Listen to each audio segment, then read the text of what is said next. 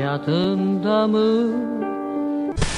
Gözlerinden tanıram sen Bakının maralısan Mavi gözünden Xəstəyəm qalıb əlacım Özünə məxsus hekayələr, unudulmaz ifalar, əvəz olunmaz səslər, ahəngdə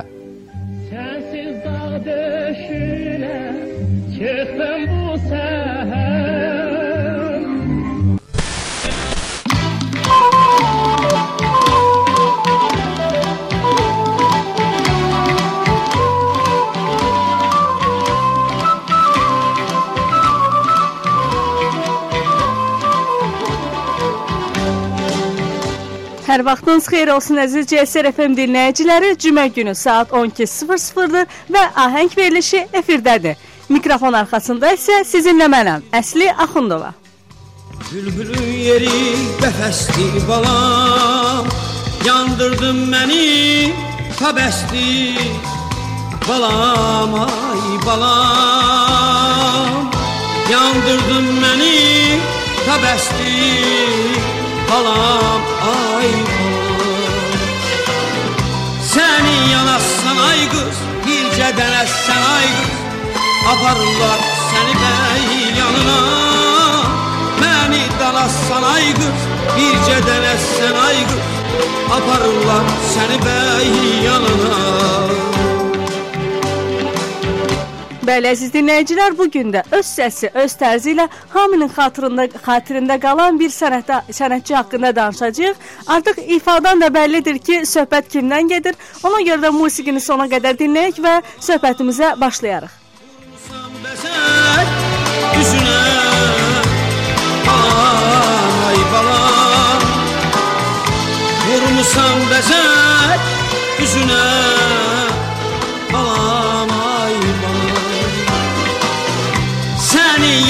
yanassan ay qız Bircə dənəsən ay qız Aparırlar səni bəy yanına.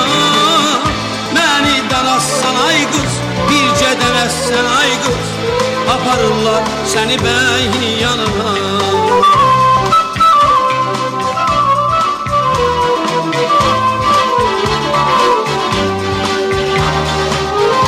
Bahçadan gələn səs eylər balam Bülbüllər oxur, heves eyler bana. Oynadık güldük bes eyler balam ay balam Oynadık güldük bes eyler bes eyler balam Seni yarassan ay kız birce demezsen ay kız. Aparlar seni bey yanına. Məni danassan ay qız bircə ay qız Aparırlar səni bəy yanına. Səni yanassan ay qız, bircə deməzsən ay qız Aparırlar səni bəy yanına. Məni dalassan ay qız, bircə deməzsən ay qız Aparırlar səni bəy yanına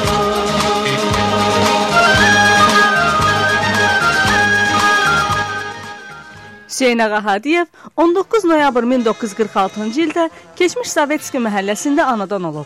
Anası Törə xanım Cəfər Cabbarlının əmsi qızı olub. Atası isə o dövrlər Bakıda kasıb insanların əsas peşəsi olan qırçılıqla məşğul idi. Beş uşaqlı ailə yetərincə kasıb həyat tərzi sürürdü. Əvvəlcə pionerlər evində Qarmon dərnəyinə gedən Hüseyn ağa sonradan tədris teatrında işə düzəlir. Elə onun Dan ulduzunda parlamasının əsas səbəbkarlarından biri də bu teatrın direktoru Rizvan Ələskərov olur. Gənc istedadın bu ansambla dəvət olunmasının başqa bir səbəbkarı isə Tarzan, xalq artisti Zamiq Əliyevdir. Məhz o, ansamblın bədii rəhbəri Gülarə Əliyeva belə bir istedadın olduğu haqqda məlumat verir. Amma indiyə qədər çox az adam bilir ki, Hüseynağanın ali musiqi təhsili olmayıb. Yəni Hüseynağa Hadiyev ixtisas baxımından peşəkar ifaçı olmayıb.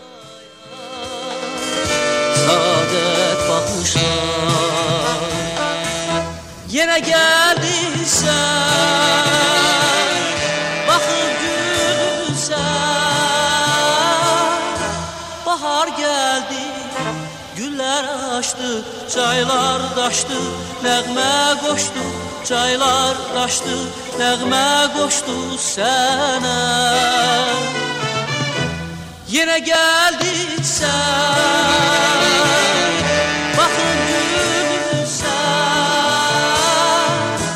bahar gəldi, güllər açdı, çaylar daşdı, nəğmə qoşdu, çaylar daşdı, nəğmə qoşdu sənə. Çiçəklər açmasaya, gələrsən yaz gələr. Çiçəklər açmasaya, gələrsən yaz gələr.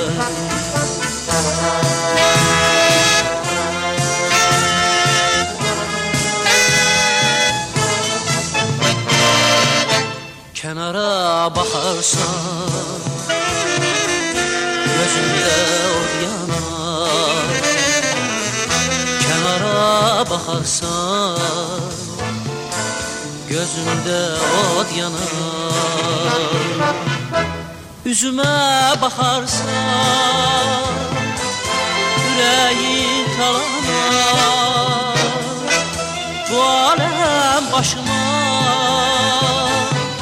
Dolanar dolanar Bir kumar bakışlayar Saadet bakışlar Bir kumar bakışlayar Saadet bakışlar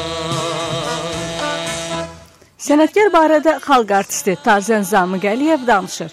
Tələbəlik vaxtı da Hüseyn ağa Hadiyevdə musiqiyə həvəs meyl var idi. Çox can atırdı, ancaq hələ oxumurdu. Bir də görürsən zümzümə edirdi. Eşidənlər ona deyirdilər ki, Hüseyn ağa, niyə oxumursan? Hüseyn ağa biraz əhli kef oğlan idi. Danışan, gülən, şən, belə bir xarakter var idi.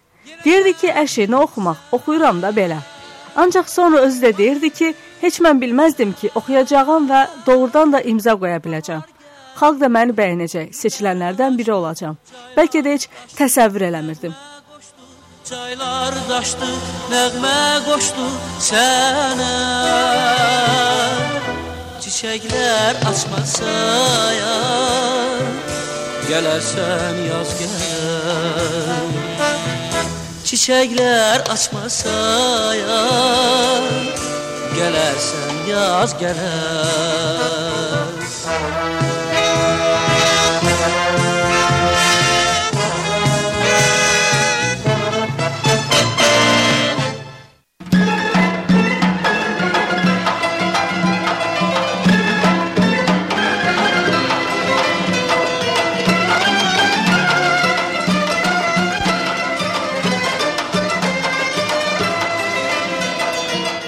Zamiq Əliyev Hüseyn ağa Hadiyev haqqında xatirələrini danışarkən bunları da deyir. Tali ilə gətirdi ki, Hüseyn ağa ilə bir yerdə çalışdıq. Mən filarmoniyada işlədiyim dövrdə Hüseyn ağa da bizim kollektivlə oxumağa başladı. Sonra mən Dam Ulduzu ansamblına dəvət olundum. O da dəvət olundu. Hüseyn ağa çox çılğın idi. Biz onunla xarici səfərlərdə, qastrollarda olmuşuq. Bir dəfə xarici dövlətə gedirdik. Bilmirəm hansı ölkəyə. Rəhmətli Gülarə xanım Əliyevanın da bir xasiyyəti var idi ki, yalandan bir şey deyərdin, o saat inanardı. Deməli təyyarədə okeanın üstü ilə uçuruq. Gülarə xanım da oturub. Bir də gördüm ki, Hüseyn ağa gəldi onun başının üstündə dayandı, dedi: "Gülarə xanım, necəsiniz?" Gülarə xanım cavab verdi ki, "Belə də, indi təyyarədir, göyün üzündəyik. Okeanın üstü ilə uçuruq. Necə olasan?" Hamısı fikirləşir ki, birdən bu təyyarə xar xarab oldu. Hüseyn ağa qayıtdı ki, "Ay Gülarə xanım, Bax indi birdən əgər təyyarəmiz xarab oldu. Biz okeanın dibinə gedirik. Balıqlar, balinalar da bizi bir-bir yeyəcəklər. Elə Hüseyn ağa bunu demişdi ki, bir də gördüm Gülarə xanımın ürəyi getdi. Onun üzünə su səpmək, yelləmək filan. Dedim Hüseyn ağa, sən bilmirsən ki, o biraz belə şeylərə çox hərifdir. Söz tapmadın deməyə. Gülarə xanım da inanmışdı. Dedi düz deyir Hüseyn ağa. Birdən gedərək okeanın dibinə nə olar bizə? Balinalar bizi yeyər. Baylığım yat düşər ayaman, ayaman, ayaman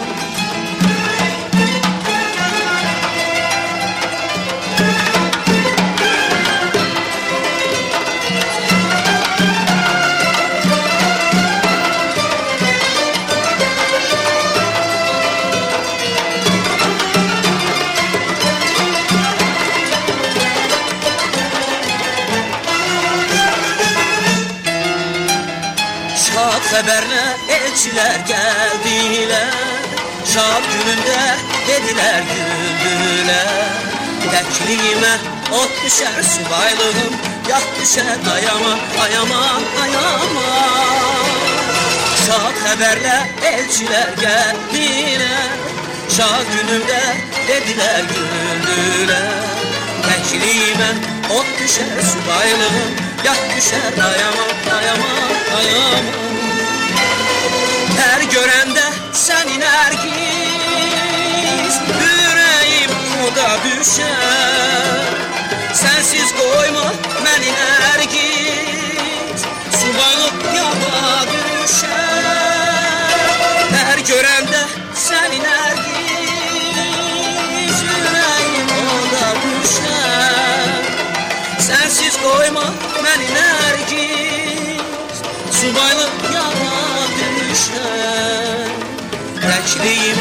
Ot düşər subaylı Yat düşər ayama, ayama, ayama Təkliyimə ot düşər subaylı Yat düşər ayama, ayama, ayama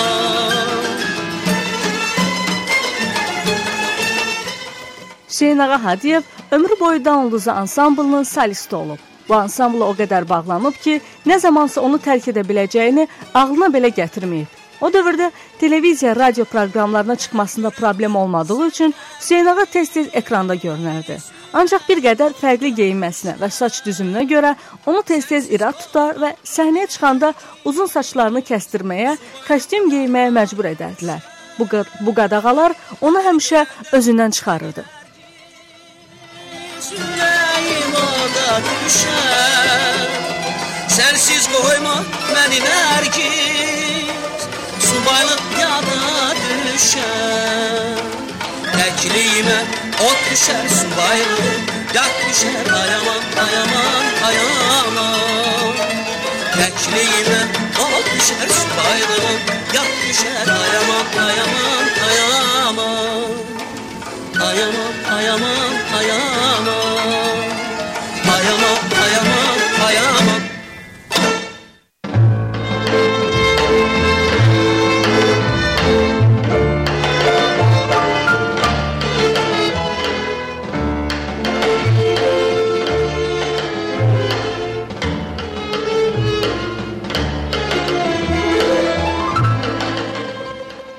ailə həyatı quranda hələ tələbə idi. İnstitutu bitirdiyi il hərbi xidmətə çağırılan müğənninin 1973-cü ilin yanvarında oğlu Ceyhun dünyaya gəlir.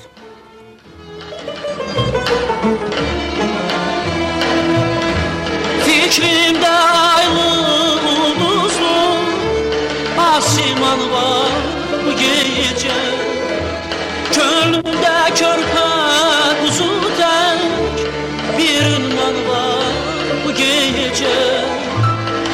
just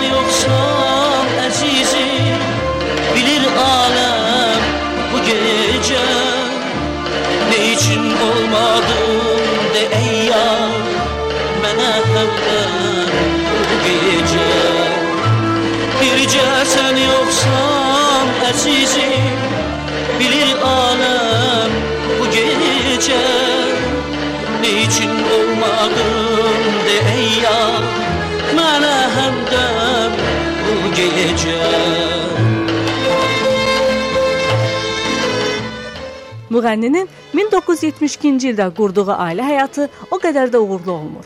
Hadiyev ailəcanlı insan olsa da, dövlət televiziyasındakı çəkilişlərdən biri onun bütün həyatını dəyişir. O, ASTV-nin həmin dövr üçün tanınmış diktorlarından hesab olunan Gülya Seyidbəyova ilə tanış olur. Sonradan bu tanışlıq vətəndaş nikahına çevrilir. Bir neçə ildən sonra Hüseynağa Hadiyev və Gülya Seyidbəyova ər-arvad kimi bir evdə yaşayırlar. Həmin vaxt Hadiyev həyat yoldaşı ilə rəsmi nikahda idi. Sveta xanım Hüseynağanı çox sevirdi və onun dünyasının dəyişməsindən sonra da heç kimlə ailə həyatı qurmağa razılıq verməyib.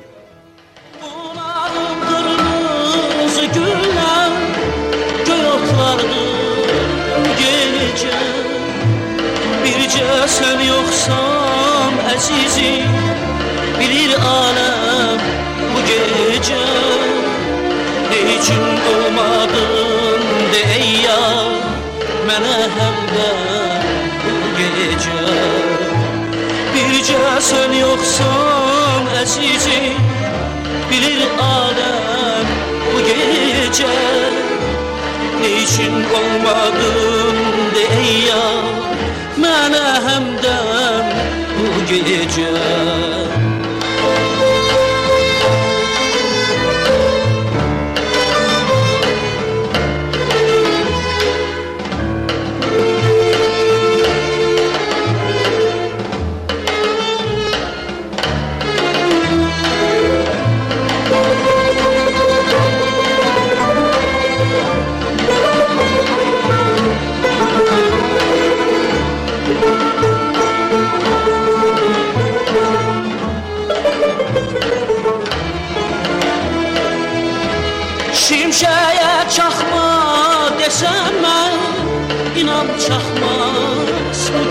gecə Araza axma desəm bil ki axmaz bu gecə Bircə sən yoxsun əzizim bilir aləm bu gecə Niçin olmadın de ey yar Mənə həmdən bu gecə Bircə sən yoxsan taşıcı bilir alem bu gece.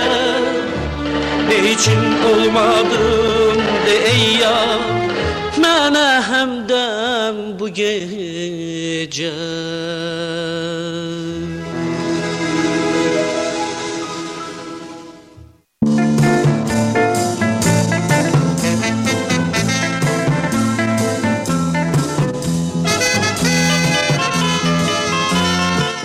Hüseyn ağa Hadiyevi cəsarətli, sözü üzə deyən, amma həm də abırlı insan kimi xarakterizə edirlər.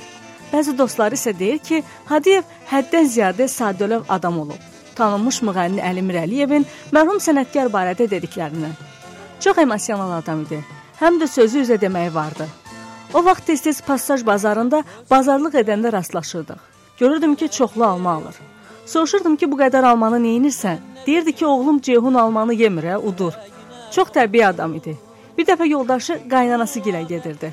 Uzaqdan qışqırdı ki, Sveta, taksiyə minmə, min ginən avtobusa. Danışanda kimisə düşünmürdü. Həmin vaxtlar o çox məşhur idi. Bicliyi zadı bilmirdi. Yenə məndə biraz çox bilmişlik var. Aralıqda söz olar Gəl barışaq Niyə küstün niyə yar Yüreğimde hatıralar oyandı. Öten günler göz önünde dayandı. Bir olardı söhbetimiz sözümüz bir gülerdi yüreğimiz gözümüz Bir olardı söhbetimiz sözümüz Bir gülerdi yüreğimiz gözümüz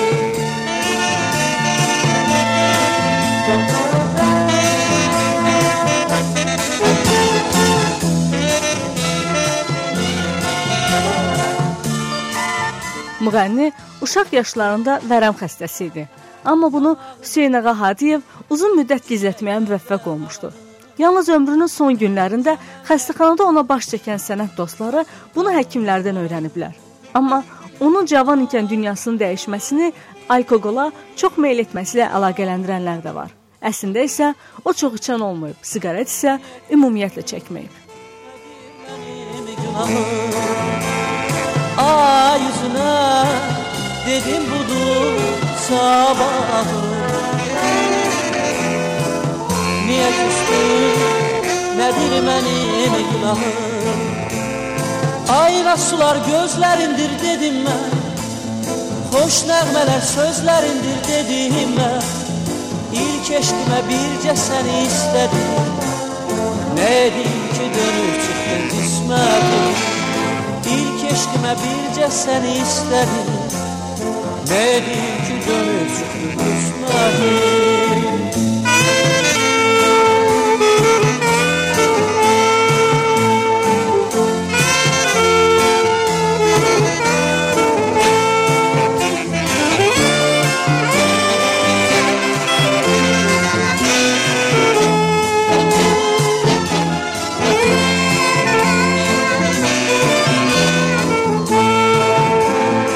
Ayna sular gözlər sözlərindir dedim mən Xoş nəğmələr sözlərindir dedim mən İlk eşqimə bircə səni istədim. Dedim ki dönüb çıxdı qismətim. İlk eşqimə bircə səni istədim. Dedim ki dönüb çıxdı qismətim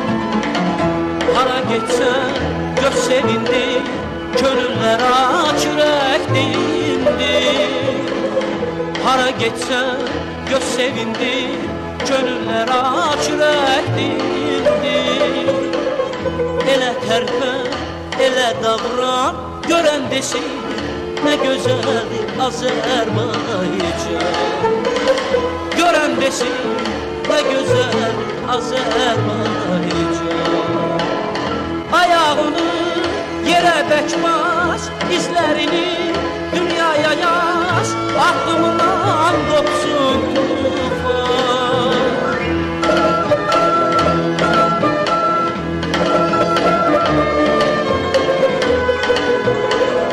ayağını yere bekmez izlerini dünyaya yaz.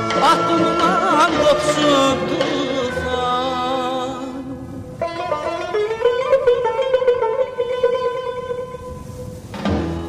neşesi ne güzel Azerbaycan Gören neşeyi ne güzel Azerbaycan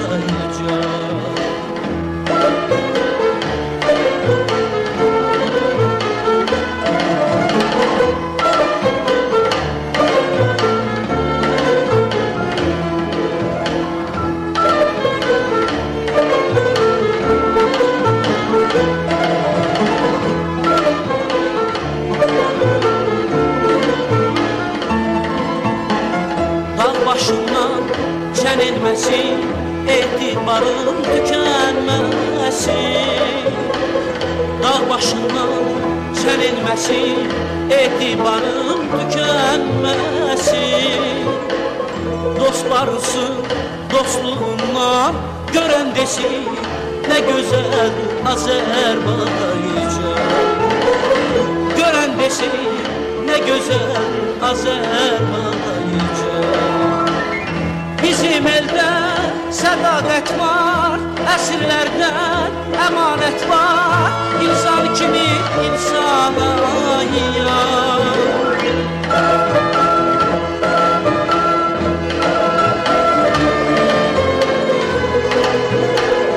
Bizim eldə sədaqət var Əsrlərdən əmanət var. İnsan kimi insana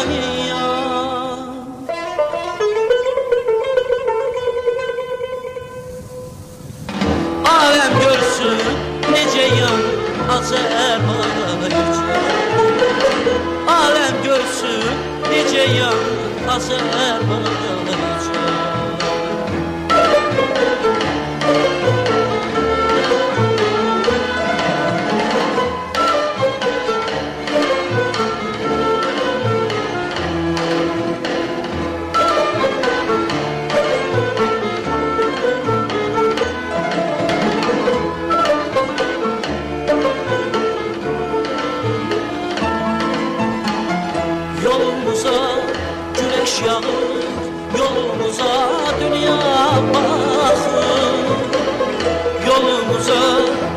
başladı Yolumuza dünya baktı Ele çalış uzaklardan Serra gelsin ve güzel Azerbaycan. Serra gelsin ne güzel Azerbaycan. O da berki, o da qarış Elə avuç, elə sayrış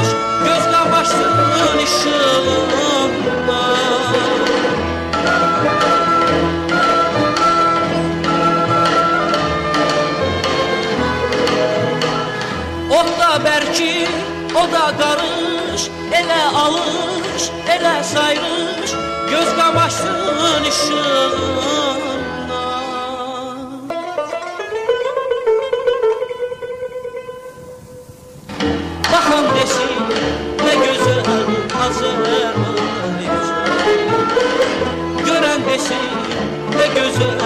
Azerbaycan Alem görsün nece yan Azerbaycan Baxam desin ne güzeldir Azerbaycan.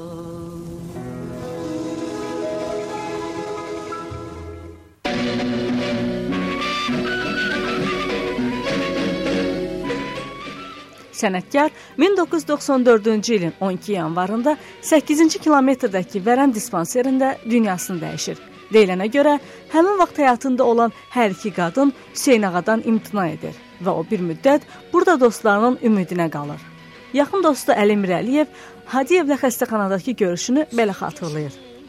Xəstəxanada olanda mənə deyirdi ki, qazan qeyniyir, yəni soruşurdu ki, toya gedə bilirsən? Deyirdim ki, qeyniyir.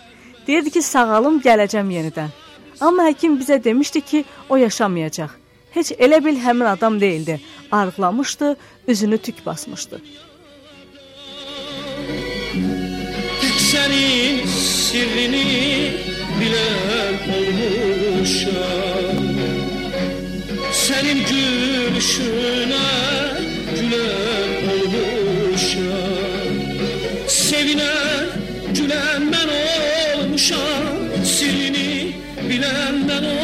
olmuşam Ben olmuşam. Sevinen gülen ben olmuşam Sirini bilen ben olmuşam Ben olmuşam. Ben olmuşam. Bütün ölkənin tanıdığı və sevdiyi Hüseyn ağa Hadiyevin meydini dünyasını dəyişəndən 2 gün sonra bacısı morqdan çıxarıb.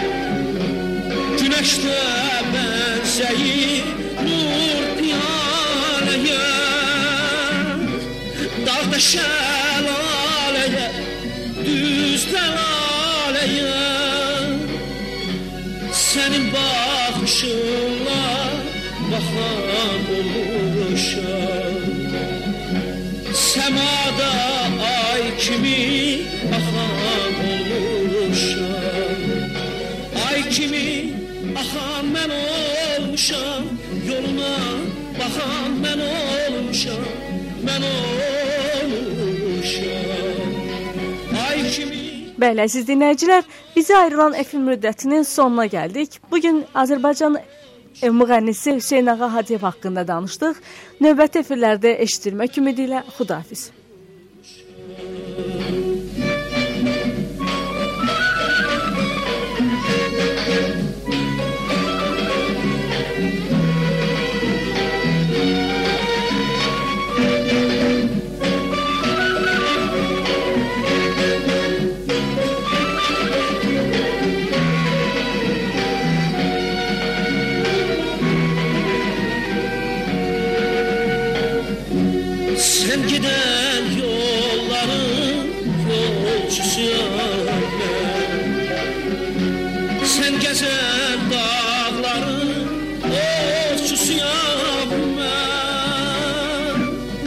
bakan köyler ulduz yanlar Sen için alışa söne olmuşam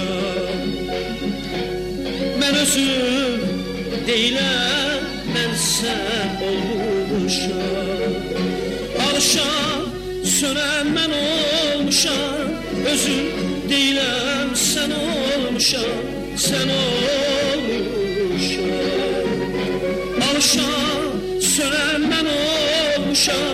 Özüm değilim sen olmuşam Sen olmuşam Sen olmuşam